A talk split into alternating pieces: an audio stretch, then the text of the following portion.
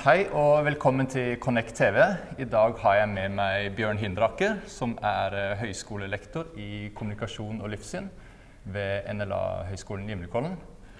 Og Bjørn, vi har nå nettopp lest eh, en uke gjennom eh, første Mosebok. Um, og da er det jo en del ting der som er litt sånn Man får litt sånn spørsmål.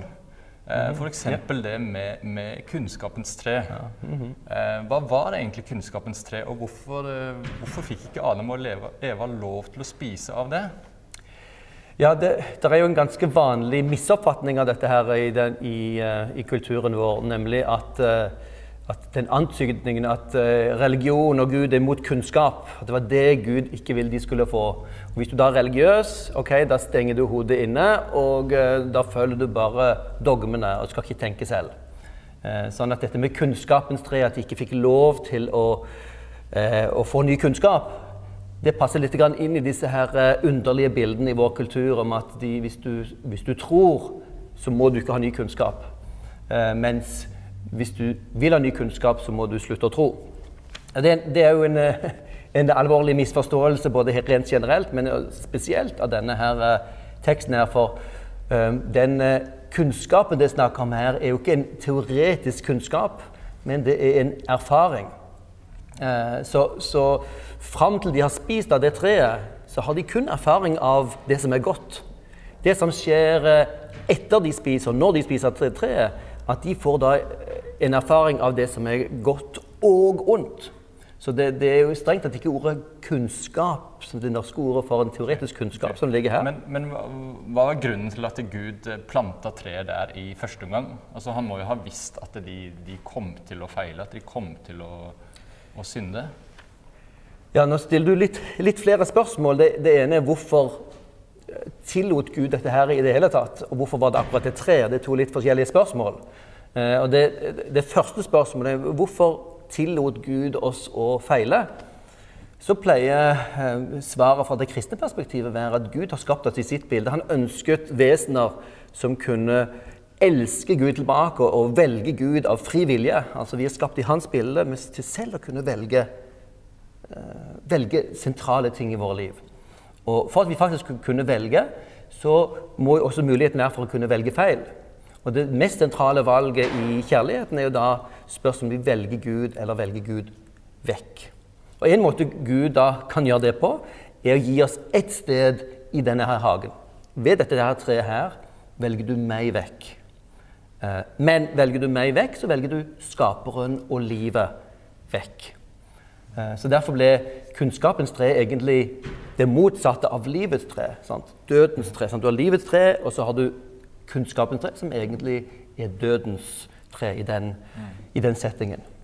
Men, men, jeg tenker likevel konsekvensene var jo da veldig store. Ja. Eh, er det ikke på en måte en litt svakhet i systemet av, av mm. Gud å på en måte legge inn den muligheten?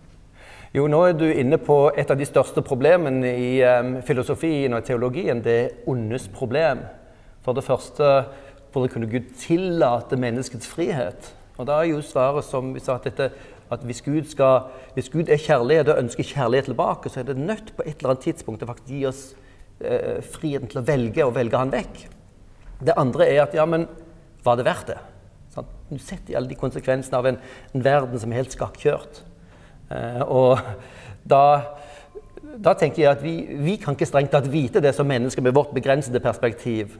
Men vi vet at Gud er god, og vet Gud også har ikke bare dette korte perspektivet som er våre liv, som perspektiv, men han har også en evighet. Sånn at uh, ut ifra det perspektivet og tilliten til at Gud er god, så OK, ja, det må være verdt det, selv om det har hatt enorme kostnader. Og det som vi har i den kristne troen, er jo at dette er ikke bare kostnader for oss mennesker og veldig mange mennesker etter de første menneskenes fall, men Gud selv kom og ble rammet av vår ondskap. Sant? Når Jesus døde på korset, så er Gud rammet av vår ondskap. Eh, så dette er ikke en Gud som tar lett på, på menneskets frie vilje og alvor av våre frie valg. Men så altså, Det koker egentlig ned til om vi vil velge Gud og livet, eller om vi velger bort Gud og dermed døden. Er det det du sier? Eh, det er den naturlige måten å se disse her eh, to trærne på. Um, Gud gir mennesket rom til å gjøre et fritt valg. Og Gud trekker seg litt tilbake for å gi oss det rommet hvor vi kan velge, velge Han Han står ikke rett foran og presser, oss, presser seg på oss. Men han sier her, ved dette treet gjør du et valg hvor jeg dyttes ut av din, din verden. Så, så i én forstand er, er, dette kunnskapen om godt og ondt, det er erfaringen om godt og ondt du kommer da til å velge. Som slangen antydet, var dette Hvis du får erfaringen av godt og ondt, da blir du virkelig interessant. Det er det virkelig gode livet. Som jo var en, en grov løgn. Det andre elementet som også ligger i, i dette begrepet kunnskapen om godt og ondt, er jo det, også et annet tema som går gjennom hele Bibelen, nemlig vårt ønske om å definere rett og galt, og være den som definerer vårt univers. Gud har sagt dette treet skal du ikke spise av. Og så vil mennesket sette seg opp og si jo, jeg kan spise av det treet. Kanskje det vil gjøre meg til Gud. På sett og vis gjør det det, men på en ironisk måte hvor jeg dytter Gud ut av mitt univers. Og da er det egentlig døden som er den eneste veien. Ja, flott. Det var noen eh, kloke ord fra Bjørn Hindraker. Eh, så lykke til med neste ukes lesing, og følg med videre på Connect TV.